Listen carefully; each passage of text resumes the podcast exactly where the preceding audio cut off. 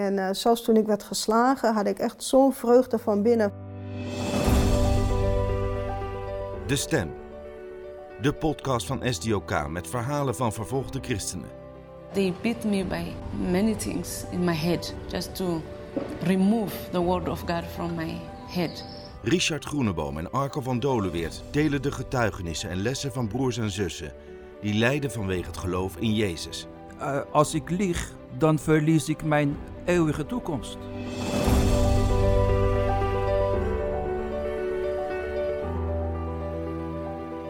Zou jij je Bijbels verbranden? Een christen uit Noord-Korea kreeg deze bizarre opdracht. Hij twijfelde, maar de Heere God herhaalde: Verbrand je Bijbels. Hij besloot te gehoorzamen en dat is maar goed ook. Waarom? Ja, dat ontdek je in deze nieuwe aflevering van Podcast De Stem. Ja, van harte welkom bij deze 63ste aflevering van deze podcast. En vandaag reizen we af naar het meest gesloten land ter wereld, Noord-Korea. Het land dat vaak in het nieuws is vanwege kernproeven, hongersnood en het meedogenloze regime van de grote leider Kim Jong-un. Maar ook een land waar christenen zwaar worden vervolgd. Noord-Korea. Een land waarin het hebben van een Bijbel genoeg is om in een concentratiekamp te komen. In deze podcast duiken we de situatie van dit land in en we delen ook een gesprek met broeder B. Zijn verhaal geeft een uniek inkijkje in het leven van christenen in Noord-Korea. Mijn ouders zongen ook christelijke liederen, maar deden dat heel zachtjes, fluisterend zelfs. Dat deden ze om te voorkomen dat het op straat te horen zou zijn. Als we baden voor het eten, deden we dat nooit hardop, maar in onszelf, stil. Ja, straks hoor je het hele verhaal van uh, deze broeder B. Ja, we beginnen altijd uh, deze podcast met iets uh, wat we hebben meegenomen, dat we met je willen delen. Arco, wat, waarmee ga je me vandaag verrassen? Ja, ik heb, een, ik heb een lied meegenomen. Een, een, echt een mooi lied. En dat is een lied wat een aantal jaren geleden tijdens een bijeenkomst van STOK werd gezongen. En dat werd niet gezongen door jou. Jij kunt mooi zingen trouwens. Maar, Dankjewel. Uh, maar het werd gezongen door de gasten die toen spraken ook. En dat waren christenen uit Noord-Korea. Ja, bijzondere bijeenkomst. Ja, Echt heel bijzonder. herinneren. Ja, ja, ja en het, ze, ze, zongen met elkaar Amazing Grace. Nou, het is misschien leuk om gewoon een stukje te luisteren. Ja, laten we even luisteren.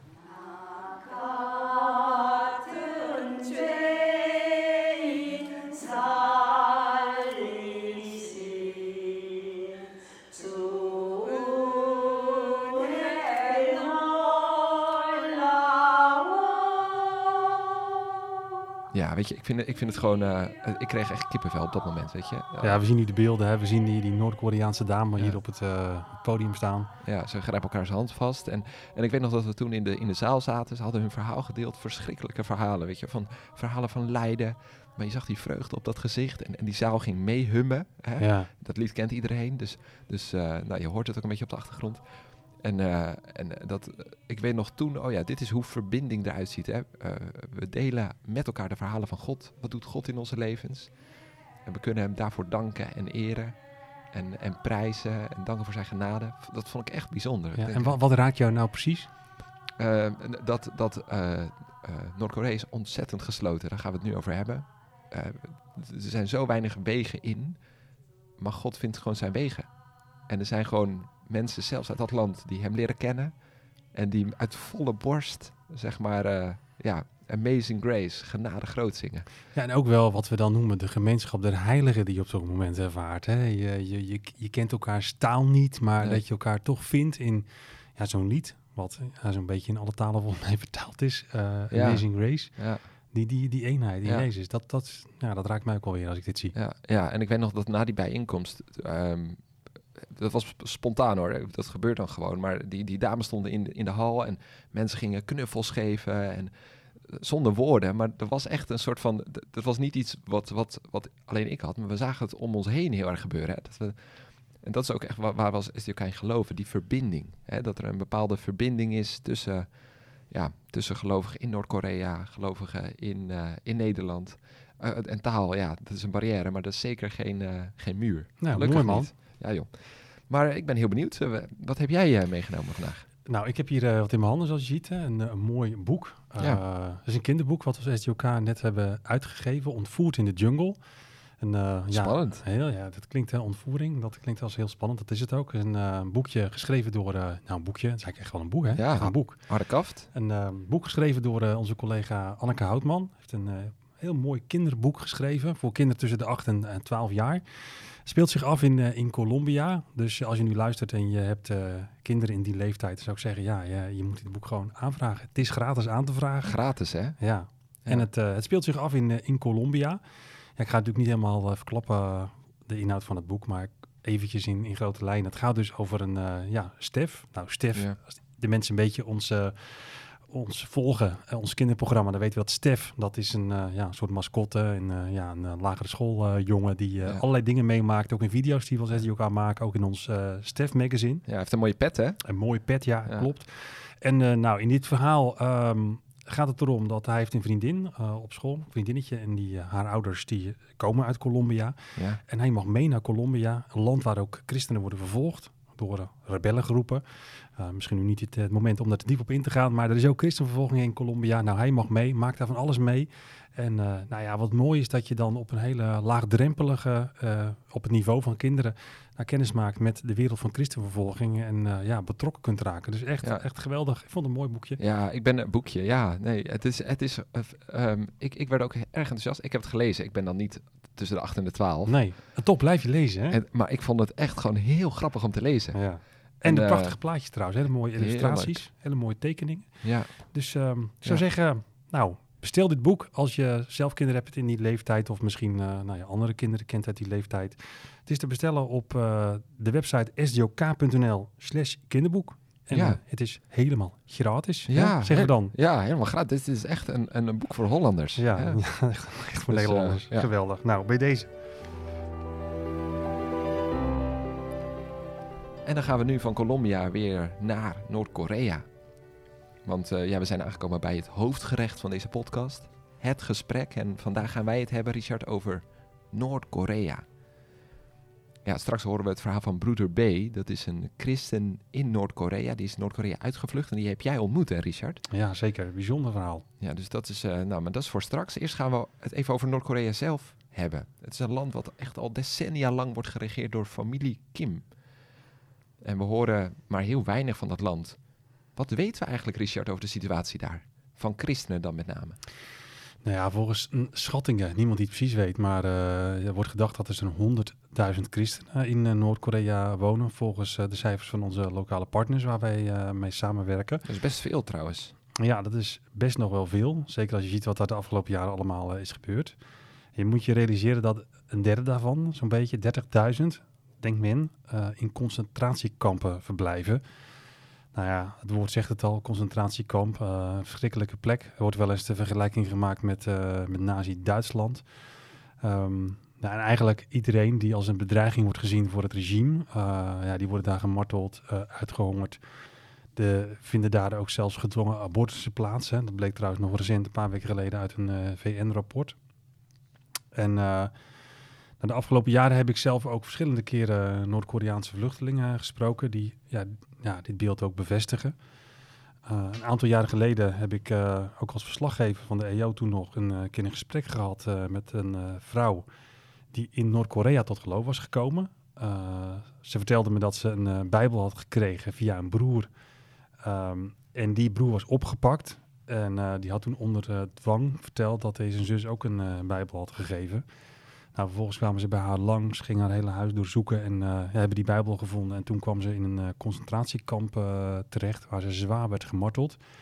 Ehm, ik heb haar toen geïnterviewd en ik laat je nu een fragmentje horen uit dat interview wat ik destijds met haar heb gehad. Echt een ja, best wel heel confronterend fragment.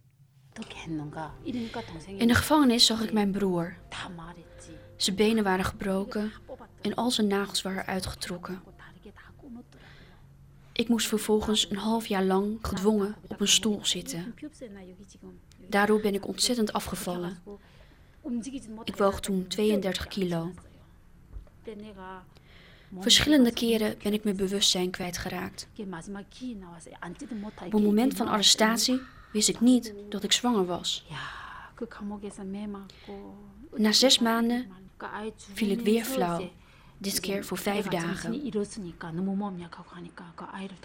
In die dagen hebben ze een abortus gepleegd. Ze hebben de baby eruit gehaald en in negen stukken gesneden. Op het moment dat ik vrijgelaten werd, was ik zo verzwakt dat ik niet meer kon lopen. Ik kon alleen nog maar kruipen.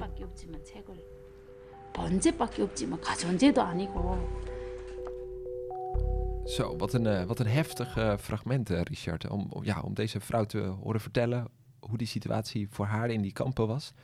Hoe is het met haar afgelopen? Ja, een heel heftig verhaal, ook om dit aan te horen. Ja, door een wonder is ze uiteindelijk vrijgekomen. Dat is eigenlijk heel zeldzaam, want de meeste christenen overleven dit soort kampen niet. Deze vrouw is uiteindelijk gevlucht naar Zuid-Korea. En dat is weer een aantal jaren geleden dat ik haar gesproken, heb, dus ik, gesproken heb. Ik weet niet precies hoe het nu met haar gaat. Maar ze vertelde me toen dat ze regelmatig ook door kerken wordt uitgenodigd om, eh, om haar getuigenis te delen. Ja, ja, er wo- wonen ook best wel wat Noord-Koreaanse christenen in Zuid-Korea. Hè? Die christenen die eh, later tot geloof komen of, of uit Noord-Korea vluchten. Ja, dat klopt. Ja. Vaak, eh, in de meeste gevallen, worden ze dan in een van de andere landen, de vluchtlanden, worden ze dan christen. Het kan China zijn of, of in Zuid-Korea of een van de andere landen. Eh, waardoor, waar ze doorheen komen op, eh, op- tijdens hun vlucht. Want ja, in Noord-Korea zijn niet zo heel veel christenen. Nee, Dus, en, en, en, en als er al zijn, dan de kans dat ze het land uitkomen is ook niet zo groot. Dus. nee. En, en wat ik me ook afvroeg is, is, zijn er überhaupt kerken in Noord-Korea? Ja, er zijn, uh, er zijn kerken. Dus je zult het niet geloven, maar er zijn in Pyongyang, de hoofdstad van uh, Noord-Korea, zijn er vier kerken. Dat worden ook wel show- of nepkerken genoemd. Nepkerken? Nepkerken, ja, zo noem ik het maar. Dat zijn dus ja. kerken die uh, daar zijn neergezet om westerse mensen, christenen, te doen geloven dat er gewoon uh, ja, geloofsvrijheid is in, uh, in Noord-Korea. Je kunt ook als toerist naar Noord-Korea. Je kunt daar op vakantie. Een beetje een bizar idee, maar je kunt daar naartoe gaan en dan ga je met een, um, ja, met een lokale gids. Die brengt je op allerlei plekken. Daar gaan ook wel christelijke groepen naartoe. Specifiek ook om te bidden voor, uh, voor christenen in Noord-Korea. Ja. En, dan, en, en, hoe ziet zo'n vakantie eruit dan? Ja, dan word je van de, langs allerlei uh, plekken gebracht die van tevoren helemaal geregisseerd zijn. Je komt langs de standbeelden van de grote leiders, musea ter ere van de grote leiders. Laten natuurlijk precies zien wat ze jou willen laten zien, hoe goed het gaat met het land, hoe geweldig ze ontwikkeld zijn. Ja, maar je staat continu onder controle, hè? Ja, dus er zijn continu uh, gidsen bij die dan uh, alles in de gaten houden waar je, wat je doet. Het zijn gewoon natuurlijk spionnen, uiteraard. Maar er zijn dus ook christelijke groepen die er naartoe gaan, specifiek ook om te bidden op bepaalde plekken. Ja. Uh, zeker in het verleden is dat, uh, is dat veel gebeurd. Uh, en ik heb, nou op zondag ga je dan ook gewoon naar een kerk. dan is er gewoon een, een kerk die dus alleen open gaat als er toeristen zijn. Bizar joh. En hoe, hoe ziet dat eruit? Nou ja, ik heb er ook filmpjes van gezien. Dat is, ze kunnen wel even, even naar kijken. Ja. Nou, start hem even, even in. Ja. Ja, ik zie een beetje een, een, man in een soort van gewaad. Ja, je ziet hier dus gewoon een, een dominee uh, of uh, nou ja, hoe, hoe het ook mogen heten. Uh, laat hem maar even dominee noemen. Maar dat is gewoon een acteur. Hè? Dat is gewoon geen echte dominee, maar die staat op een preekstoel. En er zingt, wordt, zingt ook. Er wordt nu ook gezongen. Hè? Je ja. hoort nu het lied Hoe groot zijt gij in het Koreaans.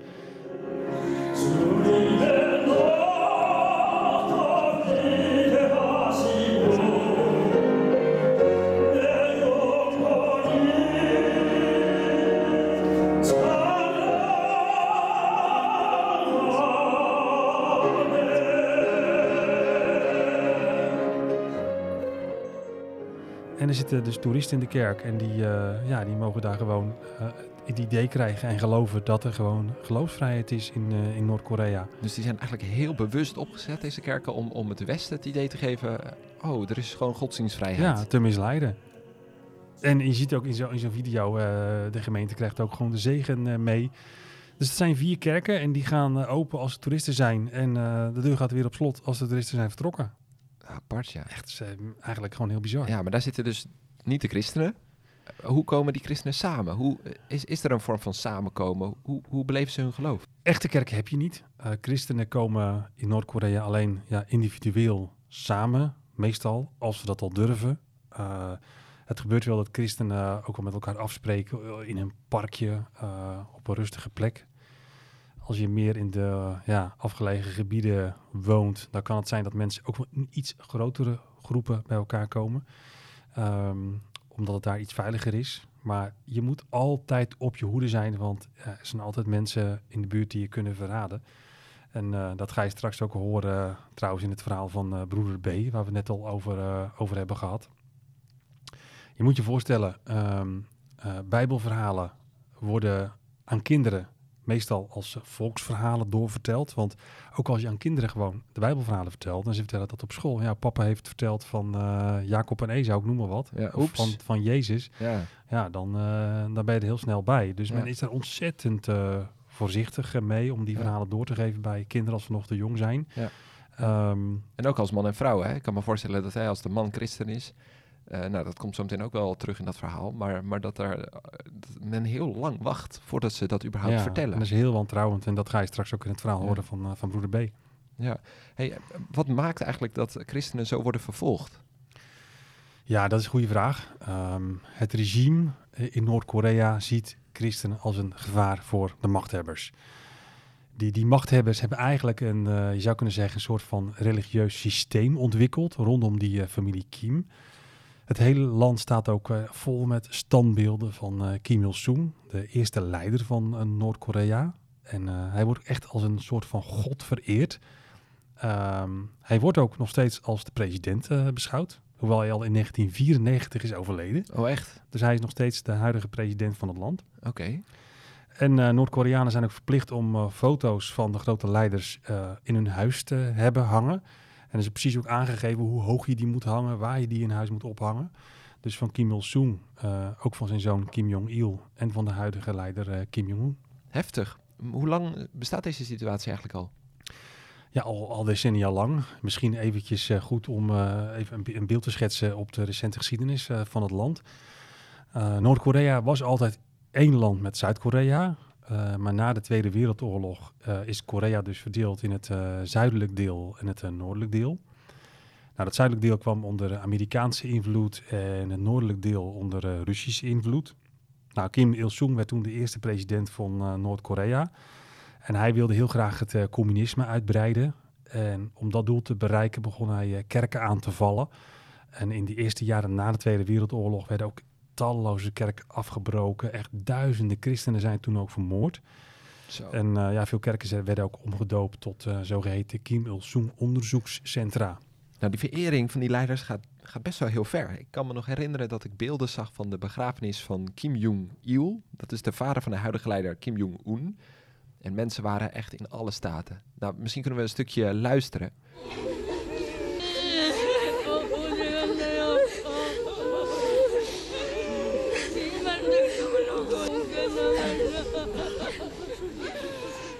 Kijk, je hoort mensen huilen. Ja, je ziet nu de beelden ook. Hè. We hebben hier een laptop op tafel staan. Echt eh, ongelooflijk, hè? Ja, ja. En, en, maar, maar ik vraag me dan af, is dit wel echt?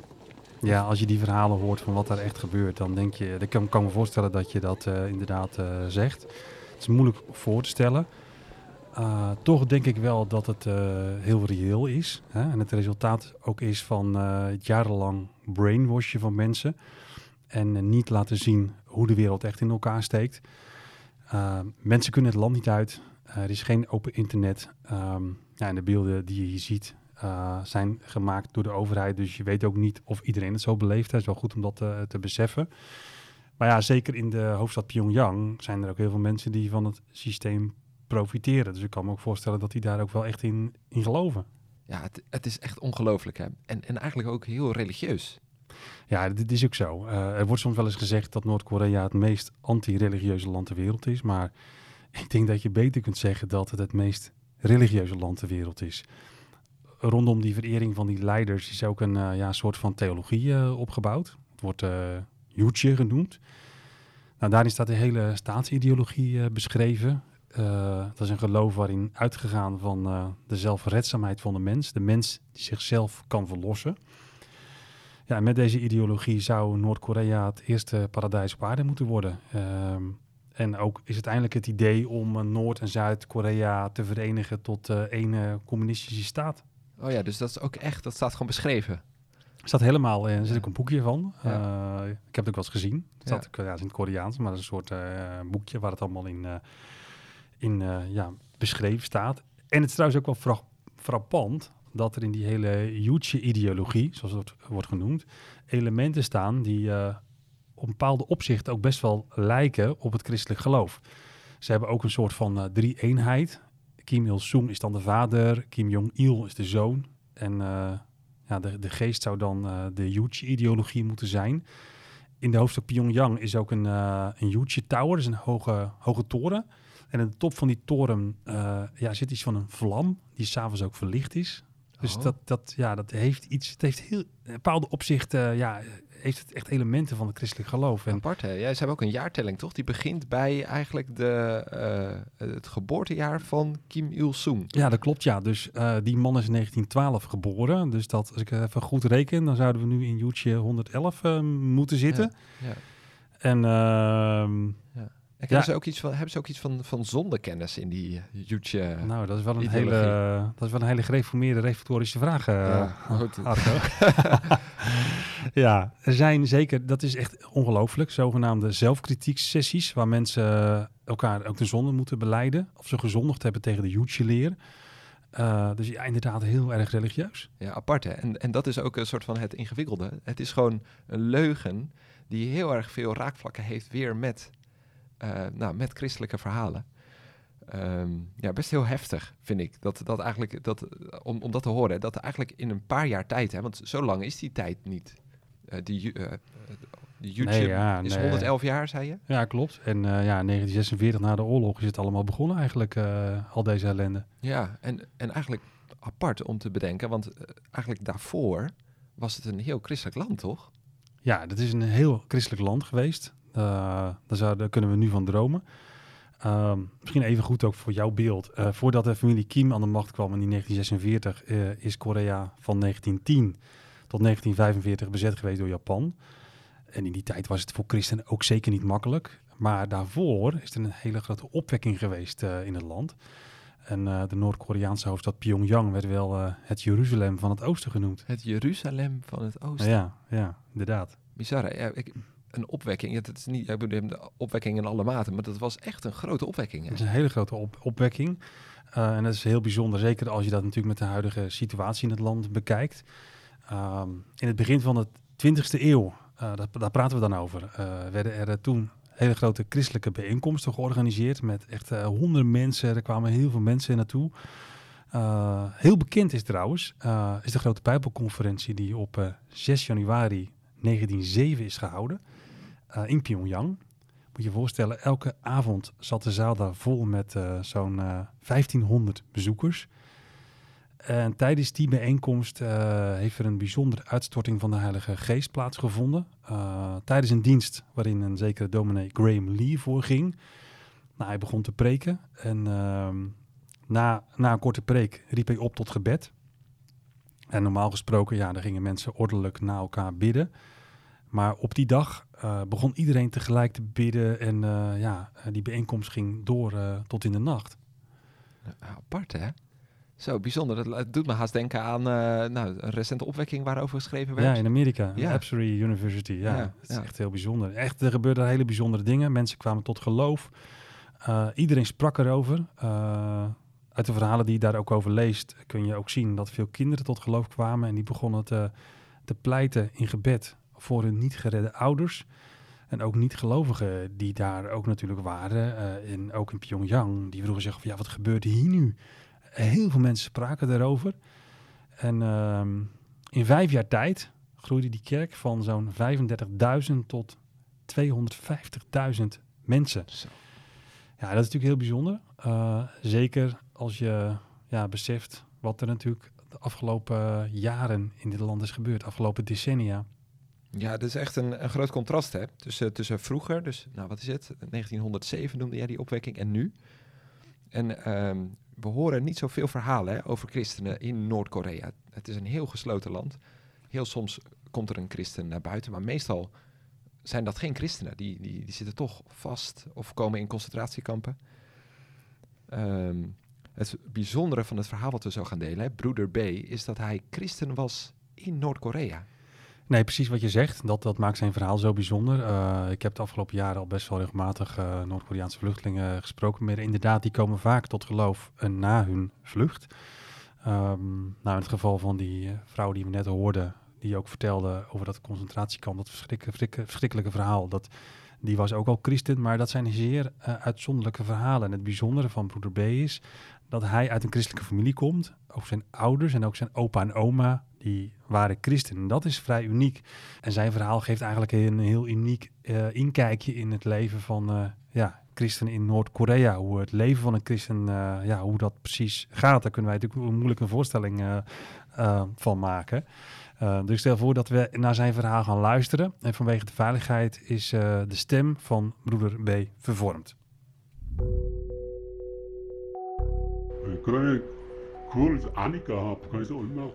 We hadden een schuurtje naast ons huis.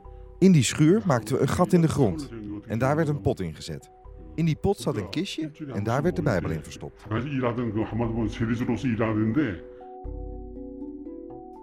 Het gesprek met meneer B maakt me stil en verwonderd. Zelf heb ik meerdere Bijbels in huis liggen en ik vind dat eigenlijk heel normaal.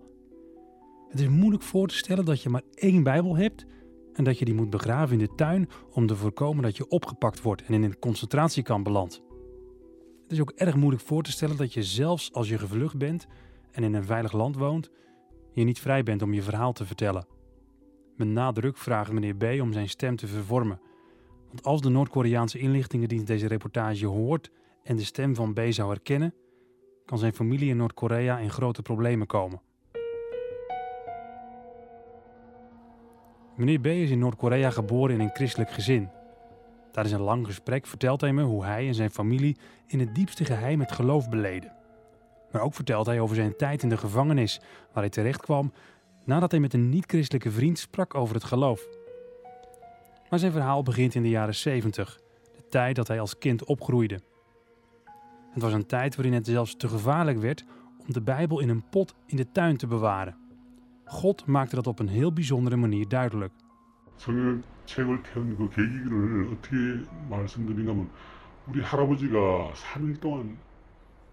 Begin jaren 70 werd de situatie voor christenen in Noord-Korea steeds gevaarlijker. Mijn opa maakte zich grote zorgen en heeft toen drie dagen gevast. Toen hoorde hij Gods stem. God noemde zijn naam en zei: Je moet de Bijbels verbranden. Moet ik de Bijbels echt verbranden? Ik heb de Bijbel nodig, reageerde mijn opa. God zei opnieuw, je moet de Bijbels verbranden. Er waren drie Bijbels in de familie. Mijn ouders, maar ook mijn oom en tante hadden er één. Opa kwam naar ons toe en vertelde wat God tegen hem had gezegd. We hebben toen alle drie de Bijbels gepakt en ze die avond nog in brand gestoken. De volgende morgen kwam er een veiligheidsagent bij ons thuis langs en doorzocht het hele huis. Hij was duidelijk naar iets op zoek. Hij kon niks vinden en er werden vier andere agenten bijgehaald. Ze doorzochten de boekenkast. Alle boeken werden minutieus bekeken. Elke bladzij werd opgeslagen. Het was duidelijk dat ze gefocust waren om de Bijbel te vinden, hoewel ze dat niet zeiden. Ik denk dat ze wisten dat we een Bijbel in huis hadden.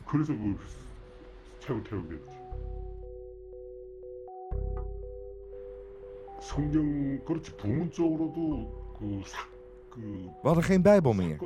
Maar dat betekende niet dat ik niks uit de Bijbel hoorde. Ik leerde alle Bijbelverhalen kennen. Mijn ouders en opa en oma hadden ze uit het hoofd geleerd. Toen ik later in Zuid-Korea kwam en voor het eerst zelf een Bijbel kon lezen, was het mooi om te merken dat het overeenkwam met de verhalen die ik vroeger thuis altijd had geleerd. Ik heb groot respect voor mijn ouders en grootouders, die al die Bijbelverhalen uit het hoofd hadden geleerd, zodat ze het aan mij konden overdragen.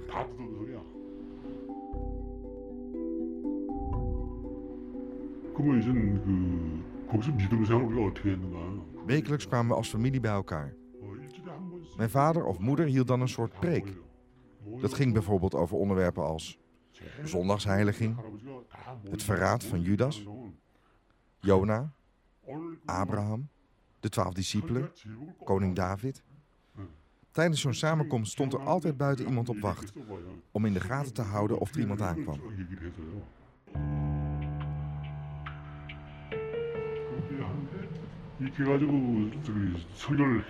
Mijn ouders zongen ook christelijke liederen, maar deden dat heel zachtjes, fluisterend zelfs. Dat deden ze om te voorkomen dat het op straat te horen zou zijn. Als we baden voor het eten, deden we dat nooit hardop, maar in onszelf, stil. Eén keer per twee maanden gingen we naar een rustig strand waar nauwelijks mensen kwamen. Daar konden we hardop christelijke liederen zingen. We konden daar zelfs de naam van God hardop noemen.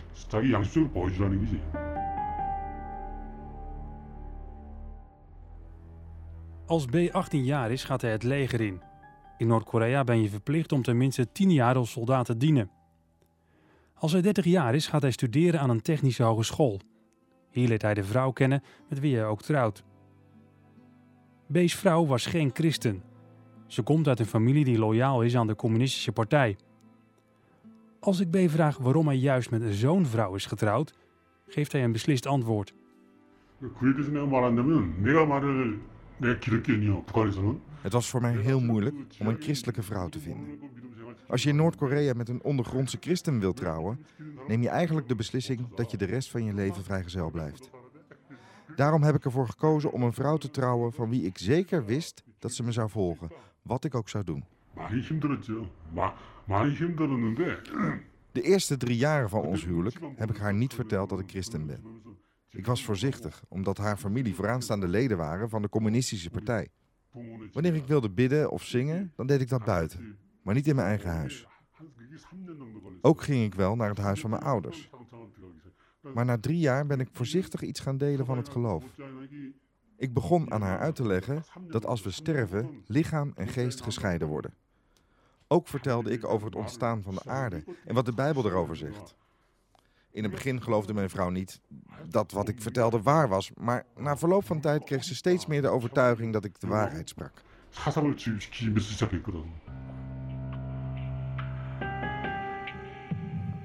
Spreken over het geloof met anderen is in Noord-Korea levensgevaarlijk. Toch besluit B iets te delen over het christelijk geloof tegen een vriend die hem vraagt te adviseren in zijn huwelijksproblemen. Als hem gevraagd wordt hoe hij en zijn vrouw erin slagen om samen een gelukkig leven te leiden, vertelt B over de tien geboden. Ook zegt hij dat er vanuit de hemel altijd wordt meegekeken. Helaas wordt bij de verkeerde mensen bekend dat B christen is en belandt hij in de gevangenis.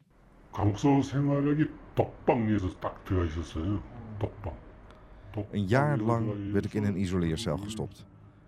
Elke dag werd ik anderhalf uur ondervraagd. Je moet alles wat je in je leven hebt meegemaakt kunnen vertellen, vanaf je kindertijd af. Ze dreigden me te zullen executeren. Ze vroegen, waarom geloof je in God? Vervolgens moest ik terug naar mijn cel en begonnen ze me te mishandelen. Dat duurde zo'n 10 tot 20 minuten. En dat elke dag. Telkens verzonnen ze een andere manier om mij te mishandelen. Zo moest ik mijn vingers verplicht door de tralies van de gevangenis steken en vervolgens werd er hard met een houten stok opgeslagen. Dat was echt verschrikkelijk pijnlijk. Ook lieten ze me lange tijd in een hurkhouding staan, met een emmer water op mijn hoofd. Als er ook maar een druppel water uit de emmer viel, werd je ongenadig hard geslagen.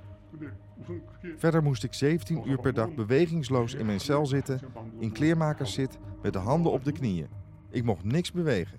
Alleen tijdens de maaltijd, die een minuut duurde, mocht ik bewegen. Alles werd met camera's in de gaten gehouden. 그래서 이 뒤에 그 여기 뒤가 복, 복도야. Tijdens de lange dagen in de gevangenis denkt B veel over zijn leven na. Ook bidt hij veel tot God.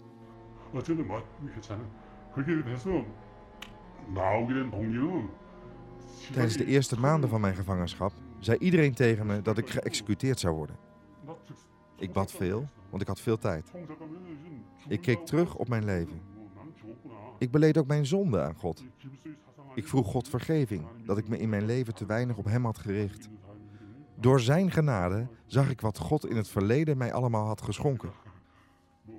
Tijdens de dagelijkse verhoren was er één ondervrager met wie ik na een aantal maanden een vertrouwensband opbouwde. Hij mocht me wel. Ik kon hem veel vertellen over de Bijbel. Op een gegeven moment zei hij zelfs gekscherend: Nog even en ik word ook christen. Na ruim een jaar gevangenschap wordt B op onverklaarbare wijze vrijgelaten.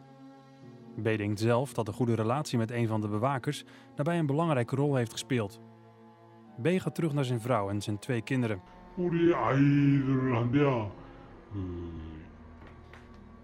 Mijn vrouw was steeds meer een toegewijd christen geworden. Ze stelden mij veel vragen over het geloof. De kinderen luisterden mee en ik vertelde hen ook over het geloof. Die waren inmiddels 14 en 16 jaar en oud genoeg om te begrijpen dat het gevaarlijk is om buiten de deur over het christen zijn te spreken. Kort na zijn vrijlating besluit B om Noord-Korea te verlaten. Hij wil niet langer meer in het land blijven. 이 북한 사회랑 참 썩은 사회로 그냥 딱 Noord-Korea is een land zonder toekomst. Er was nauwelijks elektriciteit in die dagen. De regering had mijn huis afgepakt vanwege mijn gevangenschap. En ook was ik mijn baan kwijt. Ik werkte in de internationale handel. Het kostte veel moeite om weer werk te vinden. 사장이 머리 딱 들여붙였어요 B vlucht aanvankelijk alleen en laat zijn gezin in Noord-Korea achter. Na een gevaarlijke tocht via China, Lagos en Thailand komt hij uiteindelijk in 2011 in Zuid-Korea aan. Niet lang daarna weten ook zijn vrouw en twee kinderen via deze route Zuid-Korea te bereiken. Ze proberen op dit moment een nieuw leven op te bouwen in Zuid-Korea. B heeft een baan gevonden als leraar. Hij is blij met de vrijheid die hij en zijn gezin nu genieten. Maar tegelijkertijd lijdt hij onder de pijn die zijn familie en landgenoten in Noord-Korea nog steeds moeten ondergaan. 북한에서 기도한다면 그거야 다른 거고 Ik heb twee belangrijke gebedspunten. De eerste is dat het evangelie in heel Noord-Korea verspreid mag worden. En de tweede is dat alle Noord-Koreanen hun vertrouwen op God gaan stellen. In plaats van op de grote leider Kim Il-sung. In elk Noord-Koreaans dorp staat een gebouw ter ere van Kim Il-sung. Ik bid dat die gebouwen zullen veranderen in kerken. 그게 가장 멋있는 집도 있거든 그게 다 기독교 교회로 됐으면 좋겠다고 그게 제일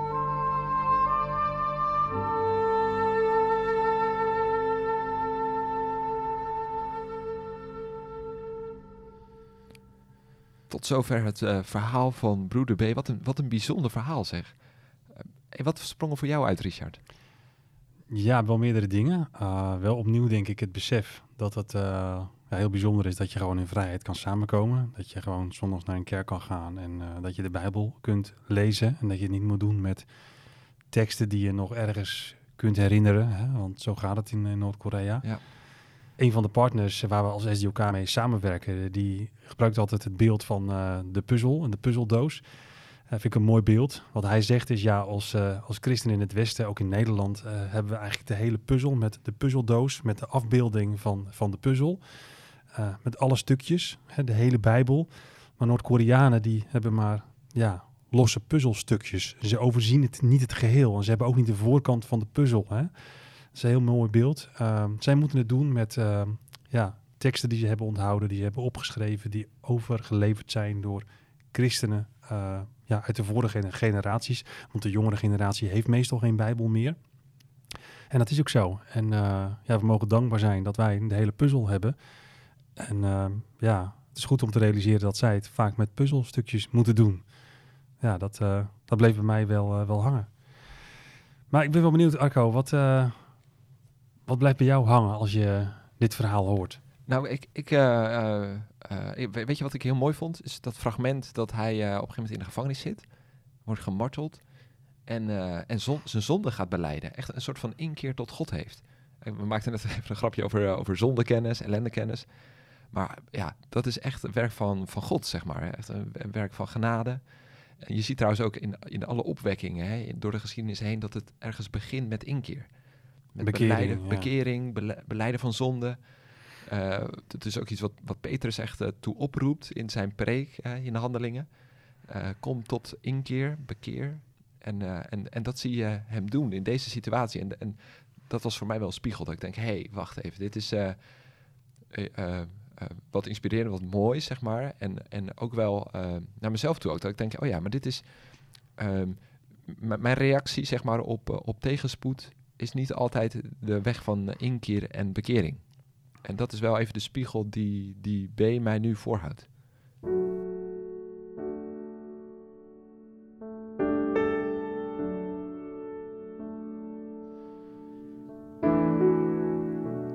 Ja, in elke podcast hebben we een uh, reflectiemoment. Even een moment om uh, ja, uh, stil te worden.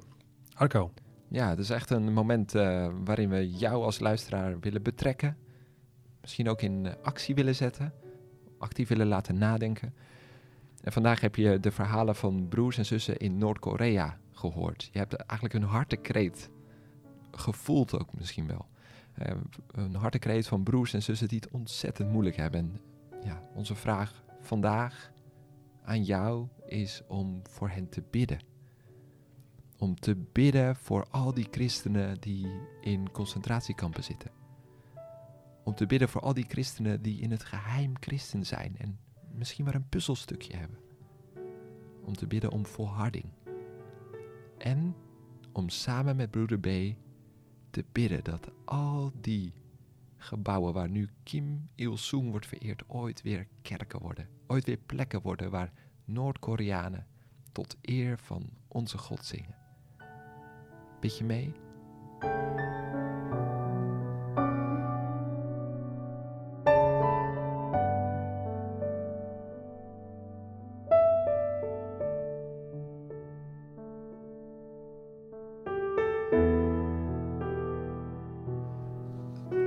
Tot zover deze eerste podcastaflevering over christenen in Noord-Korea.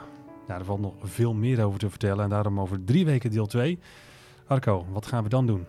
Zoals we hebben kunnen horen is Noord-Korea een hermetisch gesloten land. Het zit potdicht. En toch zijn er mogelijkheden om Noord-Koreanen met het evangelie te bereiken. Eh, Dat is gevaarlijk werk. Hoe dat gaat en welke risico's dat met zich meebrengt, dat hoor je over drie weken. Graag tot dan.